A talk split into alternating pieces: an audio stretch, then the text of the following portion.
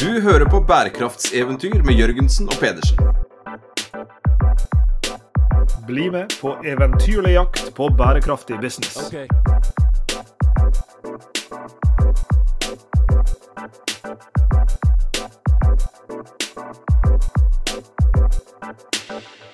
I denne spesialepisoden av Bærekraftseventyr, Sveinung, som er innspilt i samarbeid med klimafestivalen Varmere, våtere, villere, så har vi plutselig fått mannen bak det hele inn i rommet. Og du sa det rett før vi gikk på lufta, Sveinung. Endelig skal vi snakke om business. Og gjesten vi nå har fått inn i studiet, dette mobile studioet vårt på Kulturhuset i Bergen, det er altså Jens Ultveit Mo, som har tatt initiativet til, til denne festivalen vi nå sitter på, og som selvfølgelig ikke trenger noen introduksjon i, i norsk næringsliv. Som grunnlegger av industriselskapet Umo, og i senere år ikke minst en tydelig stemme rundt behovet for mer bærekraft i både norsk og internasjonal business. Det gleder vi oss til å snakke om. Velkommen til oss, Jens. Takk for det. Det er hyggelig å være her. Også så hyggelig at det er bærekraft, og at det er Handelshøyskolen, og at det er business som har kommet frem. Ja, og du er jo gammel NHH-er sjøl, Jens. Jeg har bodd i Bergen i tre år, ja. Og, og min start på det hele var Handelshøyskolen. Det var min drøm fra gymnaset, og den ble oppfylt. Du fortalte litt uh, før sendinga her om vel 124 studenter, var det det på den tiden der? Det var voldsomt. Før vi var 75, var jeg 124 studenter. Og det var masse damer, det var hele fire stykker. nå er vi omtrent på, på, på halvparten eh, av studentene våre er nå heldigvis eh, damer. Så der har det skjedd noe. Men eh, på den tiden der var det mye snakk om bærekraft da du studerte på NHH? Fremmedord. Ikke, ikke overhodet. hadde vi gikk rent på verdiskaping. Rent altså, Og verdiskaping i betydelig da også var jo industri og produksjon. Vi hørte at om noen år så vil tjenester være større, men, og industri vil gå ned. Men vi var ikke der i det hele tatt. Det var industrien, det var lineær programmering, det var løsning av den type problemer. Helt, altså, det, det, var jo, Jeg begynte i, i, i 63, sluttet i 66, og da var liksom etterkrigstiden fortsatt levende. Mm. Jeg må spørre, for dette blir ikke for spesielt interesserte, men for de av oss som kjenner NHH. Det betyr altså at du begynte på NHH det året en flytta inn i, i bygget? Altså, det er interessant. Jeg er født i 42. Jeg begynte på en ny skole for gymnas, og helt nytt bygg også for Handelshøyskolen. Det var hvordan Norge ble bygget opp i de årene. Og jeg syns jo, jeg jo Handelshøyskolen og arkitekturen der var veldig flott. Den er bra fortsatt, men var enda finere da den var så ren når det kommer masse klumper på den. og så blir det også kanskje med, med utdanningen òg. Det er kanskje noe som, som savner den utdanninga på den tiden, eh, og, og, som ser at den utdanninga i dag har fått noen klumper på seg, det også. Jeg og Lars Jakob vi er jo eh, selvtitulerte bærekraftseventyrere, og vi var ferdig på, på NHO i 2004 med våre siviløkonomutdanninger. Og så fant vi et høl i veggen, og så stakk vi av. Eh, ja. og Det hender at vi sier at vi kommer fra feilvareavdelinga på, på NHO. Vi skjønte ikke alt det vi ble undervist. Og så tok vi doktorgrader i, i dette feltet da, mot, mot, bærekraft. Og så har vi stilt mye spørsmål etter det, eh, og, og, funnet noen svar. Og så har vi jo vært med da, på en reise eh, fra at bærekraft var ordentlig upopulært da vi begynte, til at det faktisk begynner å bli populært. Men, men du, du begynte jo med bærekraft da det var skikkelig upopulært. Det, det var like etter tusenårsskiftet. det hadde jo jeg, jeg hadde vært i utlandet, McKinsey og sånn, og kom tilbake til Norge i 1980, så bodde jeg i Haugesund og bygget opp en ganske stor oljerelatert business. Mm. Både, um, både rederi med tankskip. Jeg kjøpte verftet Haugesund Mek, bygget det om til, til offshore-tjenester. Um, jeg, jeg, kjøpte Harding, som er livredningstjeneste. Alt. Jeg satt jo midt i smørøyet mm. på Vestlandet. Og, og, ut fra kontorvinduet mitt så jeg supply-skipene komme og gå, skytteltakerne komme i vei. Det, det, det, det, var et eventyr, var det. Opprinnelig så trodde jeg ikke noe særlig på olje, for at faren min var så begeistret for det. rart med det. Men så kom jeg også, så, Og det var jo helt eventyrlig. Det vokste jo noe voldsomt. Slik at da vi kom på slutten av 90-årene, hadde jeg jeg tror 3000 i verftet. 20-30 eh, skip. Jeg hadde industrivirksomhet.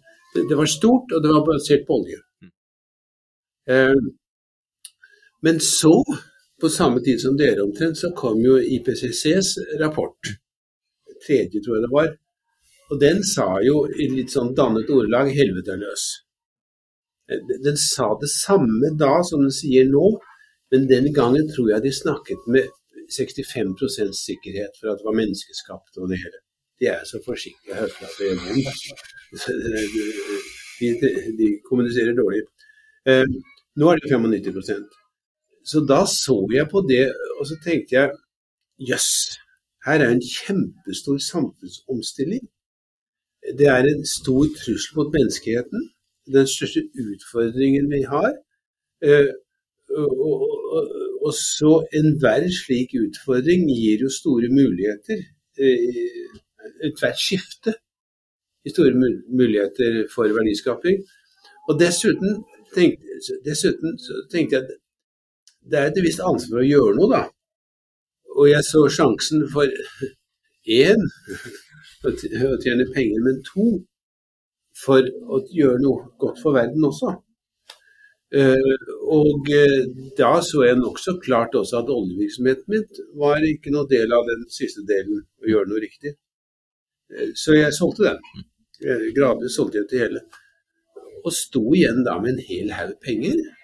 Altså jeg, jeg tjente en tre-fire milliarder på Det er jo en liten gutt fra Hyggen er det ganske mye penger. så det hadde jeg da. Og så, og, og så Det falt meg ikke inn av hvileformen at dette skulle inn, og pengene skulle inn og arbeide i det grønne skiftet. Og jeg var nokså overbevist om at eh, klimaendringer ville komme som den har kommet. Så var jeg overbevist om at da ville samfunnet reagere, og reagere raskt. Der tok jeg jo helt mm. feil. Eh, Eh, jeg, jeg, kjøpte Jeg investerte ganske tungt i sol, eh, eh, bioenergi og, og, og Ikke direkte i vind, men indirekte i vind. Og tenkte at dette var helt riktig, og dette ville eksplodere i vekst. Det gjorde det ikke. Fordi at, som vi har sett, og det er blitt veldig klart nå. Mennesker reagerer bare på erkjent krise. Mm. Det er ikke nok at det er en krise du ser nede i, i mm. veien. Mm. Den må være rett på. Og er den rett på, så er det utrolig hva vi gjør. Se på covid. Altså, covid er jo den mest vellykkede pandemien i menneskehetens historie. Altså, en, eh, vi reagerte raskt. Vi reagerte litt sent. Ikke sant? Hver uke som vi hadde forsinkelse på det, var jo 100 000 døde. Eh, men når vi kom til midten av mars, 12. mars, da var jo Norge flott. I åpningstalen din her eh, på begynnelsen av festivalen så brukte du et bilde med denne frosken. Der sa du at pandemien det var som å slippe denne frosken oppi litt sånn varmt vann som spratt ut litt kjapt. Ja, overlevde. men, og overlevde. Men, sa du. Men, eh, men klimautfordring det er jo frosken som legger seg inn i kaldt vann. Der er det godt og bra, og så blir det gradvis varmt, og så litt for varmt. blir. Til slutt så har du kokt død frosk. Mm.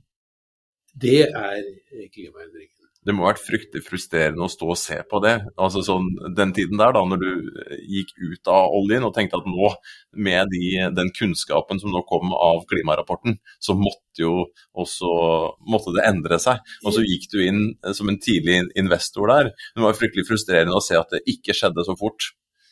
Ja, nei, det var det jo. Og det var også min tro på rasjonalitet. Altså, vi er jo en kultur som tror at When facts change, I mm. change my mind. Mm. Som Keynes sa, what do you do? Rasjonalitet også med min McKinsey-bakgrunn. ikke sant? Du, du, har en hypotese, du samler fakta, den bekrefter det ikke, så får du den bekreftet, og så gjør du noe. Sånn fungerer demokratiet mm. ikke. Og Der har det kanskje vært en revolusjon på NHH og andre handelshøyskoler også de siste eh, tiårene, med denne, at, at, man har skjønt at disse beslutningstakerne ikke er så rasjonelle som man trodde. Så jeg tenker En, en, en økonomiutdanning på, på 60-, 70-tallet, 80-tallet hadde jo veldig lite av dette her irrasjonelle i seg. Vi var relativt rasjonelle aktører som ville handle deretter. Men noen av de klumpene som har kommet de siste årene på, på NHH-bygget, er jo også en stor klump med folk som sier ah, mennesket gjør jo ikke akkurat uh, sånn som vi trodde allikevel. Nei, og det er en veldig viktig innsikt. Mm. Jeg, jeg, jeg synes at utviklingen i økonomifaget der har gjort det mer Economic man er jo en fiksjon. Mm. Vi er jo ikke der. Eh, så utviklingen i økonomifaget som tar det inn over seg, eh, behavior economics, er jo etter mitt syn en stor forbedring.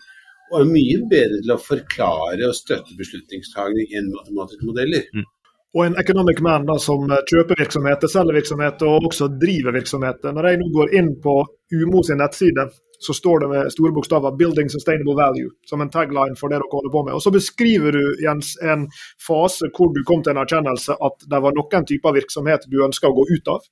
Og så var det noen eh, typer virksomhet du ønska å gå inn i. Eh, og så er jeg nysgjerrig på en, en tredje vei her.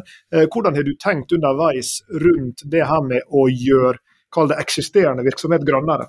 For jeg går ut ifra at også i porteføljen av, av selskap som, som eh, er innenfor UMO-konsernet, enten det er restaurantdriften eller det er ting som har med vind å gjøre, eller kompositt eller bioenergi, så er det også en sånn, kall det et internt innovasjons- og forbedringsarbeid i å gjøre disse forretningsmodellene grønnere. Eh, så, så jeg er også nysgjerrig på den delen av det. Med min McKinsey-bakgrunn så hadde jeg tatt inn over meg arrogansen. Jeg hvis du har både Handelshøyskolen og McKinsey, er det ganske utålelig eh, Så hadde jeg som premiss at en kjekk konsulent kan snu hva som helst. Eh, det var det ene premisset. Det andre premisset er at i et kapitalistisk system så vil det alltid være sykluser. Eh, altså det, er konjunktursyklus, fleskesyklus osv. Og, og min tanke var jo, i tillegg til, til miljø, å kjøpe dårlig drevne bedrifter. Kjøpe dem opp og snu dem, og så selge dem. Og Det gjorde jeg med en rekke. Det gjorde jeg med, med Kvernland. Det gjorde jeg med Unitor. Uh, ingen av de hadde spesielt mye med, med miljø å gjøre, men de hadde mye å gjøre med å tjene penger. Uh, jeg gjorde det også med, med, med, PGS. Det var jo olje, da, så jeg kom meg ut av det. Uh, men, men, jeg tror jo, av det du var innom, at du har størst virkning faktisk eh, på å snu eksisterende bedrifter. Både å snu dem fra å være dårlige til å bli gode, men også snu dem i grønn retning. Jeg begynte jo på det med restaurantene mine. Jeg hadde jo for tre år siden 300 restauranter og sånn som jeg drev. Eh, og der, det hadde jeg dårlig samvittighet for. Eh, Burger King Rødt kjøtt er ikke bra. Men der eh, Den var tung. Men der introduserte vi jo eh, eh, vegetabilsk burger, som gikk ganske Jeg var tidlig ute med det, husker jeg. Eh, og med brask og bram eh, for åtte-ti år siden. Og da fikk vi en 1% markedsandel. Unntatt på Frogner, der var det 15% Ja, ikke sant. Men det var den. Eh, på Peppes var det mye enklere å gjøre det grønnere. Mm. For der kunne det gå til vegetabilsk eh, eh, og, og, og, grønnsaker osv. Så, videre. så det var rimelig greit. På Fridays var det ganske tungt. Og det samme på Burger King. Og de andre restaurantene fikk vi begynt på å vri det over, eh, men det er oppoverbakke. Mm.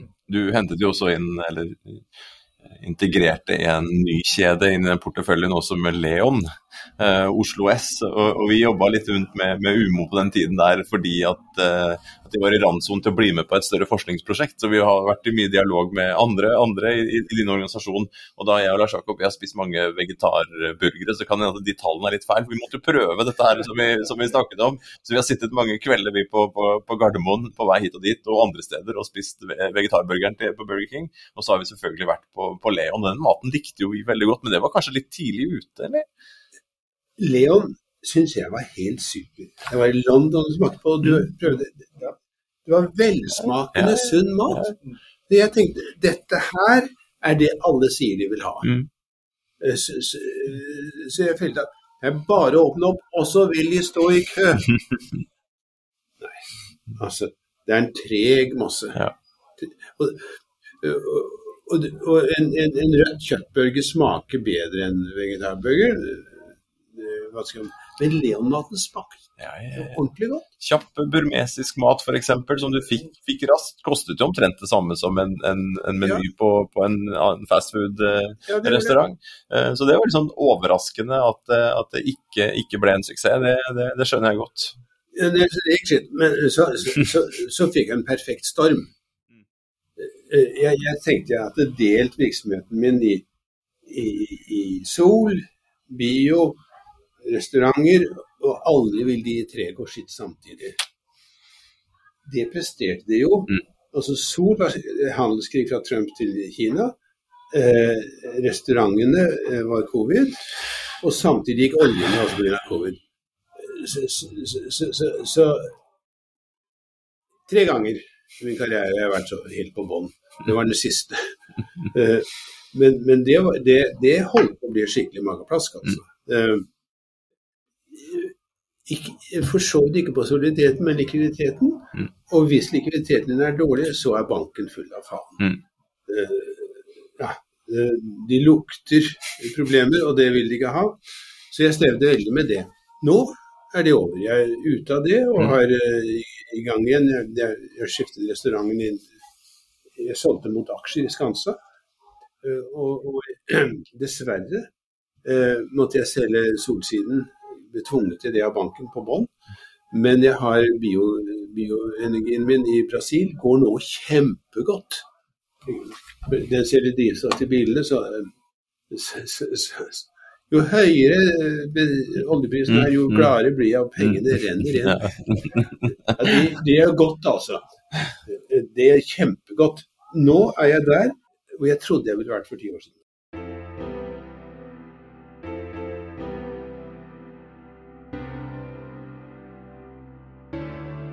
Og, og nå er du også der hvor du har tatt initiativ til varmere, våtere og villere. Og vi, vi er jo på dag tre her. eh, Og det har vært tre fantastiske, to fantastiske dager, og vi gleder oss til den, eh, til den tredje. Eh, Og her er det foredrag og diskusjoner og eks-statsministre og nåværende statsråder. eh, Og, og øl. og øl! For det sa du også på åpningstalen din. At eh, nå er det viktig at vi drikker sammen og prater sammen. Og at vi også bruker tid i, i baren. For her er det viktig at vi, vi prater om klima og, og får dette her opp i alles pannebrasker. Og at vi begynner å handle, handle deretter. Ja, ja, og det skal ikke være sånn at du skal sitte stille i en krok og skamme deg fordi du ikke gjør nok, og, og tenke at, eh, at uh, dette, det, dette blir å spege sitt kjød og leve opp til lutherske uh, fordommer. Nei, klimaendringen er en endring, uh, men, det men det er ofte en endring til noe bedre. Bensinbil til elbil syns jeg er klart til det bedre. Eh, Du kan ha rødt kjøtt til kylling, det er klart viktig for klimaet. Men jeg syns jo kylling er ordentlig godt. Ja. Så, og, det, og det er masse annet. Altså, se, se hvordan Torvallmenningen er nå når det ikke er biler der. Mm. Eller, eller eh, Rådhusplassen i Oslo. Det, det er, ja. Nei, så, så Men så, så har jeg observert, da, at alle tordentaler det virket veldig godt i Norge for kanskje 100 år siden. Bekjenn dine synder Mm. og omvend deg. Det er ikke sånn nå. Mm. Eh, du, du, så, så, og, og så var jeg på eh, Coconomics i, i Stavanger. Og de har klart å gjøre økonomi som fag. Som jo er kalt dismal science. Mange synes det er gørrkjedelig. Jeg synes ikke det, men mange synes det. Men de har klart å gjøre det spennende. Og det har jeg gjort i mange år nå. Og folk strømmer til. Folk flest i Stavanger liksom strømmer til. Så jeg tenkte sånn må vi gjøre med klima også. Vi må gjøre klima i samme rammen. Eh, eh, og så var det helt fantastisk. Eh, det var helt utrolig. Jeg, jeg, jeg skrev sånn firesider memo. Skisserte hvordan det kunne være. sendte det rundt. Og så tenkte jeg det er Bergen det må være i. Her er energi og klima, og Klimastiftelsen, som jo er veldig bra. Og det er også en by med bystolthet og givertradisjon. Så jeg gikk rett på her. Og det var helt fantastisk. I løpet av noen uker hadde vi samlet inn tre millioner kroner. Tre millioner kroner firesiders ark og en idé. Det er helt, fantastisk. Eh, eh, og, og der var Sparebanken Vest var veldig viktig. Eh, det som da var BKK veldig viktig, altså Eveny.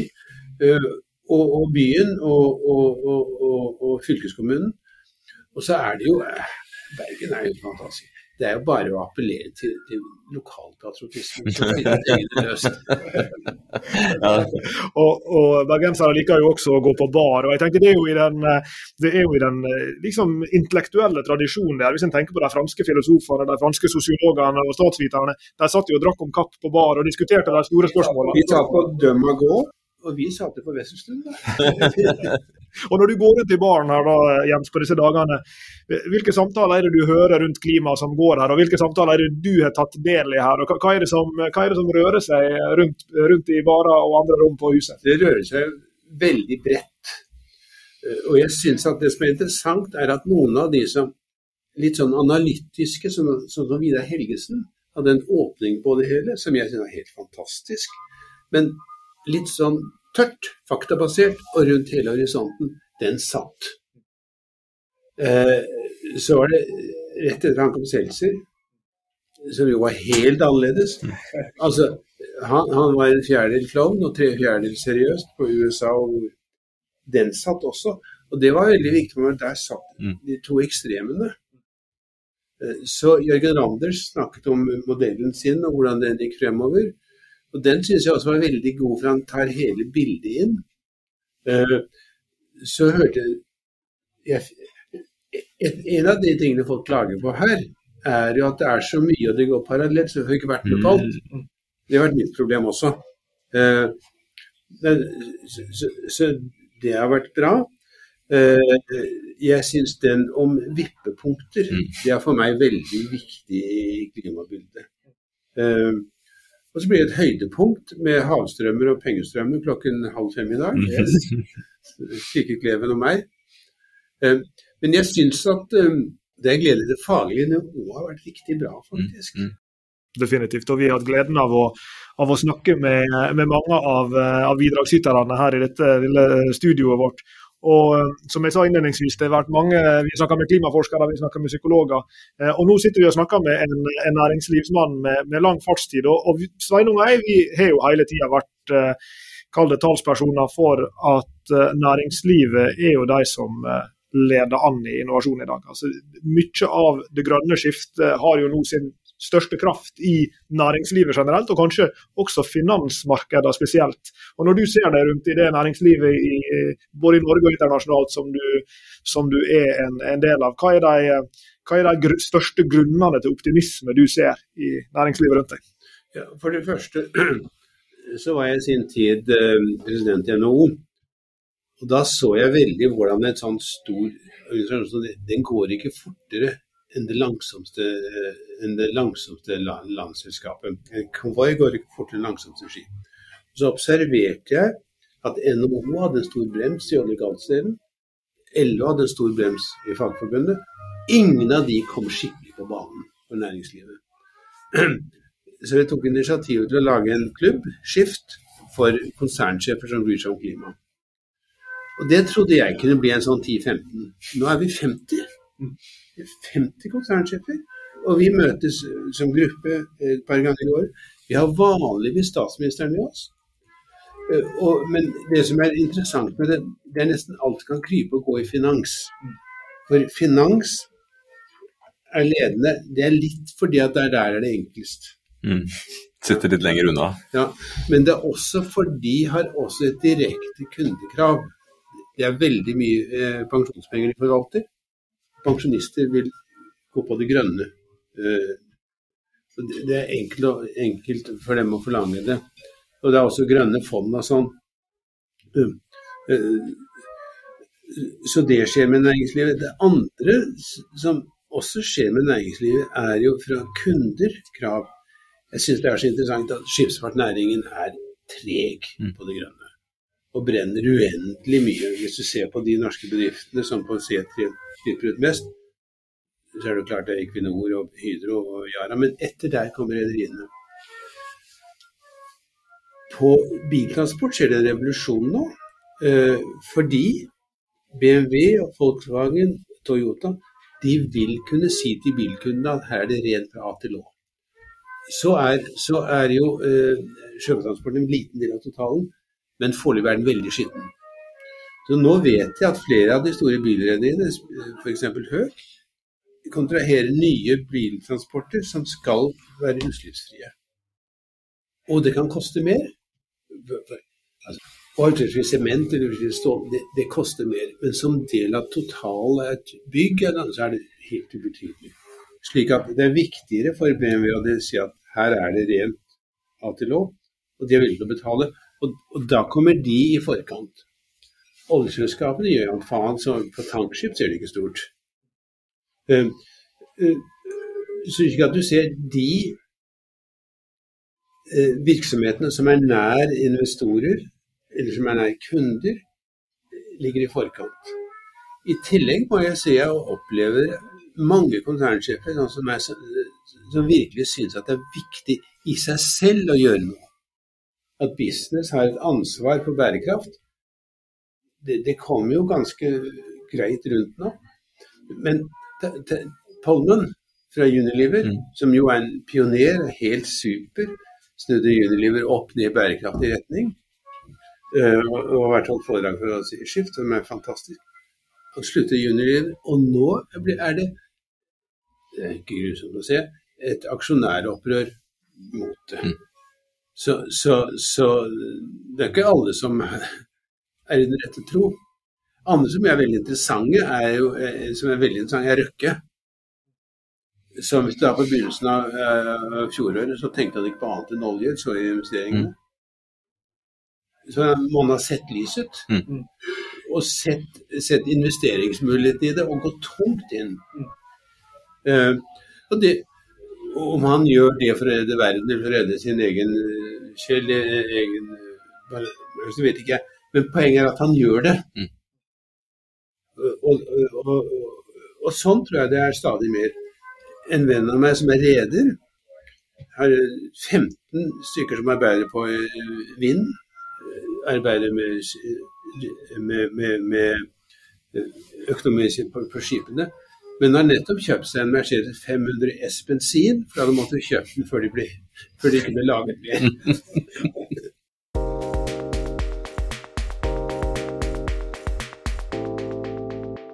Men det er jo interessant, Aker og, og, og Røkker som du er inne på, når jeg nå ser på porteføljen av, av selskap innenfor Aker-universet, og nå i nyere tid til og med dette Ion som er spunnet ut av, av Aker Biomarin med, med sirkulære plastmodeller osv.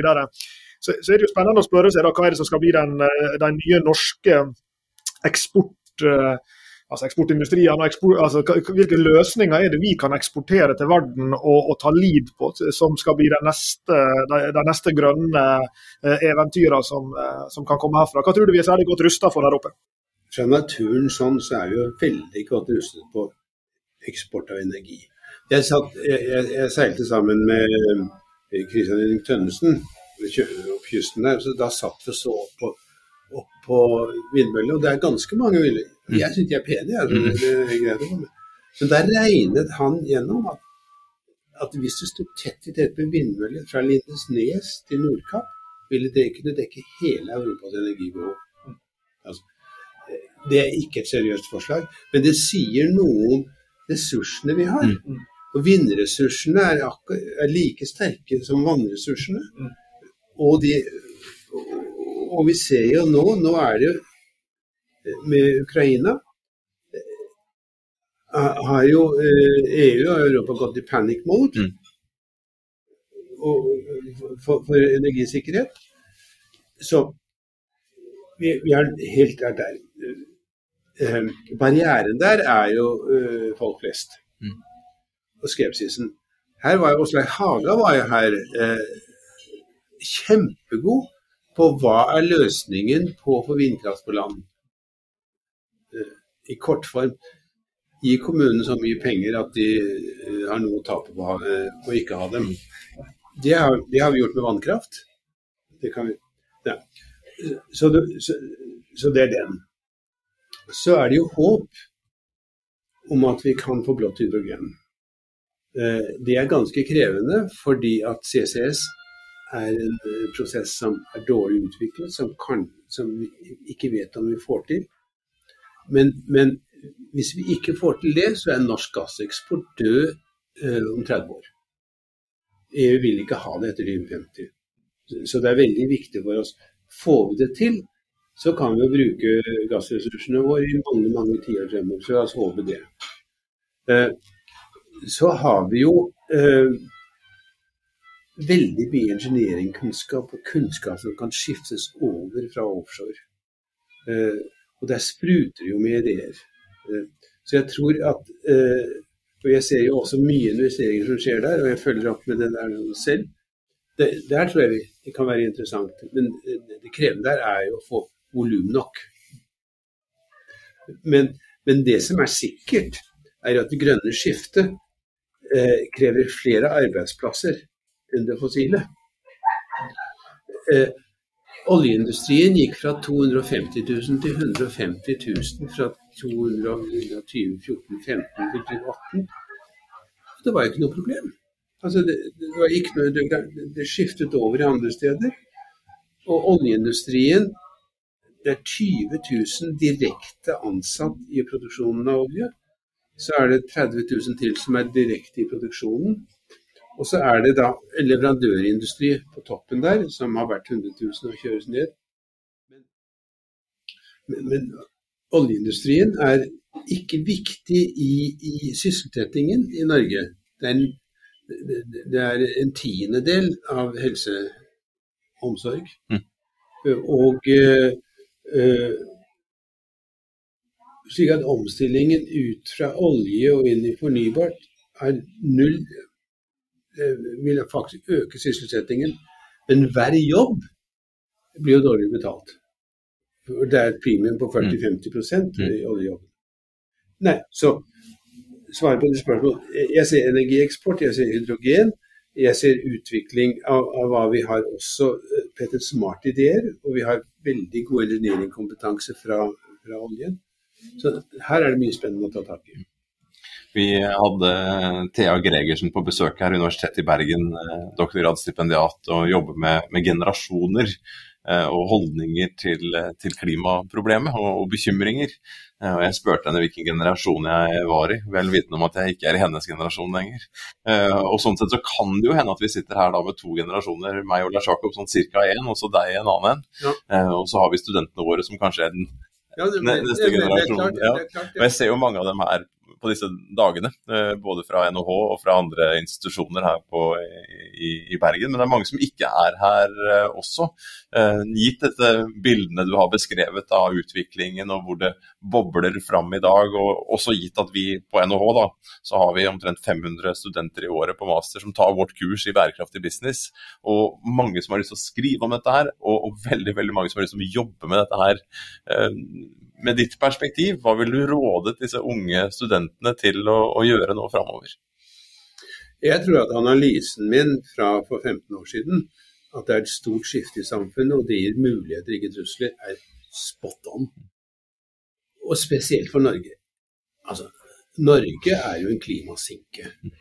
Vi er en klimasinke, vi er greenwashere de luxe, og vi har en regjering som, som heller bensin på bålet. Bokstavelig talt. Eh, her kommer det til å komme tidenes sjokk på det norske næringslivet når vi skal redusere med 50% over åtte år. Og takket være Vidar Helgesen, så er vi bundet til EU-masten. Så jeg vil si, gå rett inn i det fornybare, ikke gå i noe annet overhodet. Eh, og spørsmålet er bare å finne hvor i det, hvor i det fornybare. Og Det morsomme er at der har du både i, i, i, store selskaper, men også masse oppstart. Eh, uh, så, så, så,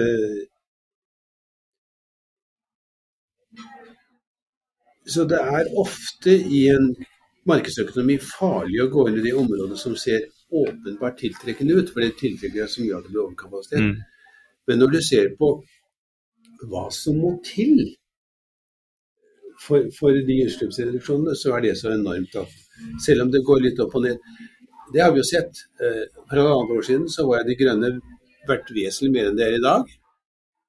Men de har falt, og de har falt på Euronex Road, har jo tenkt rett ned. Mm. Det har vi lagt merke til. Vi har en portefølje der, jeg og Lars Jakob. Og vi må satse litt grønt. Vi har ikke mange, har ikke mange milliarder på, i, i, vår portefølje. Men vi har jo gått inn der og, og, prøvd å lage en portefølje av disse grønne selskapene på den børsen og andre børsen. Og det, ja, det er, du sier ikke på toppen er den mer enn halvert? Ja, vi er litt sånn taxisjåfører der med, med doktorgrad i økonomi, liksom. men, men går du tilbake fem år, så er det jo veldig bra. Ja. Uh, uh, så akkurat nå synes jeg veldig bra og riktig å investere i det. Mm. Uh, men også karrieremessig. Mm.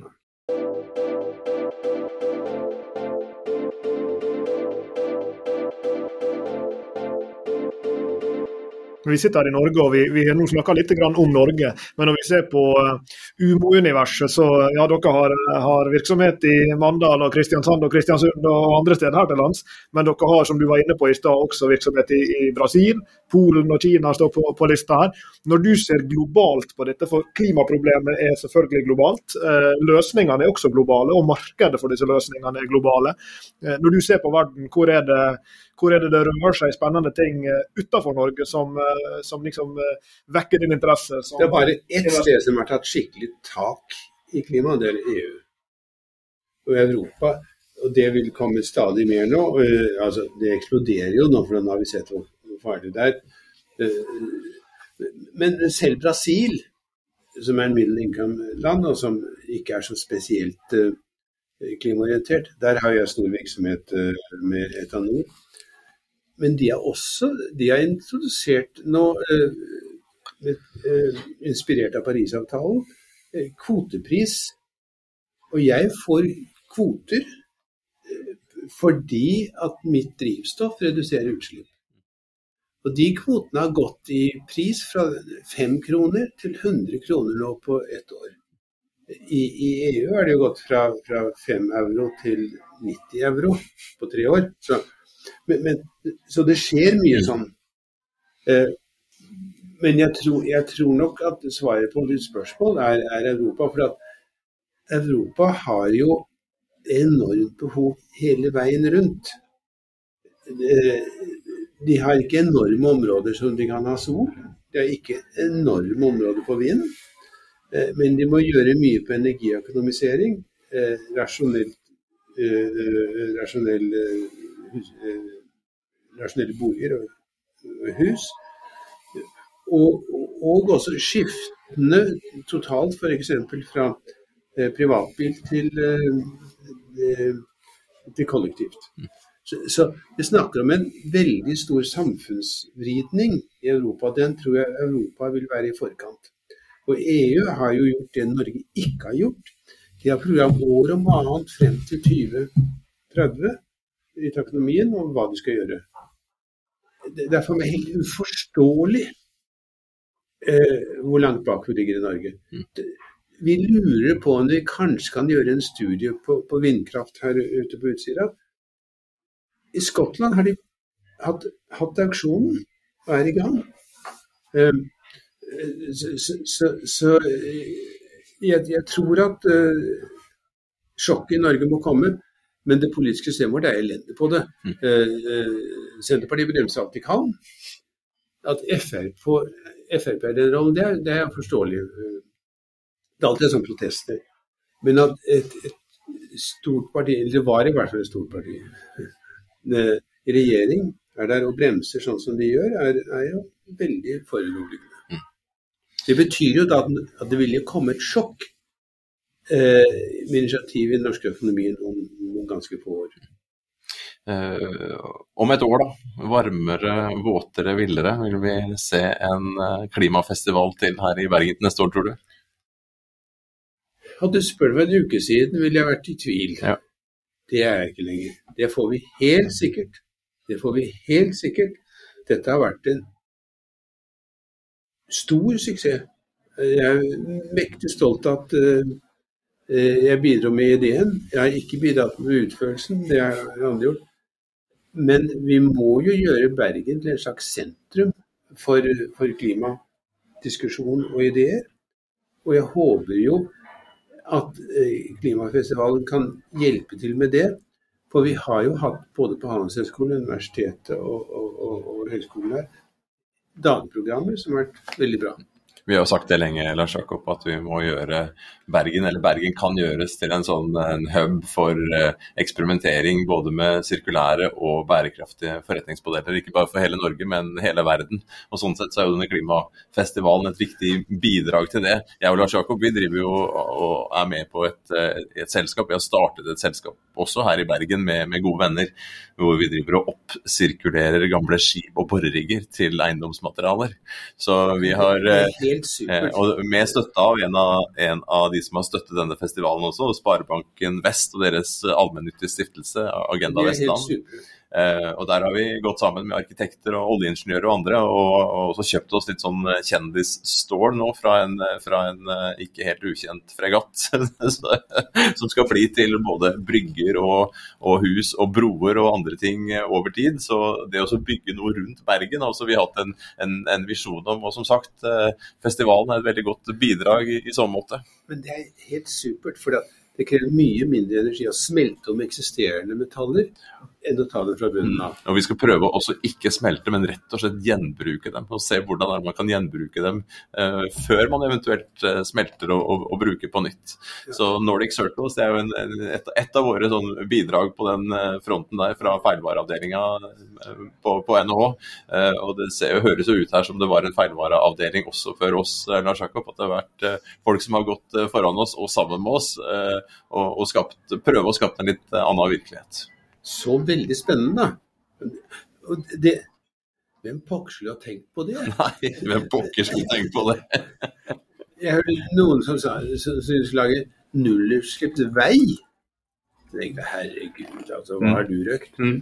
Uh, for vei er jo asfalt, og det er jo utslipp. Nei da, de, de, skal grave opp veiene halv meter ned og tilsette vegetabilske ting, og så får de en masse som er like god som en asfaltvei.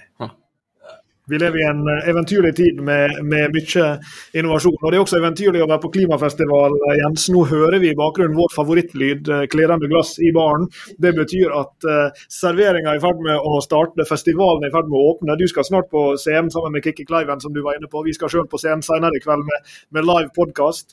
Tusen takk for at du har stelt i stand til fest. Tusen takk for at du var med oss på diskusjon uh, her på Bærekraftseventyr nå. Og så ser vi fram til både resten av festivalen her og mange flere festivaler festivaler i åra som kommer. Tusen takk for at du hørte på min talestrøm.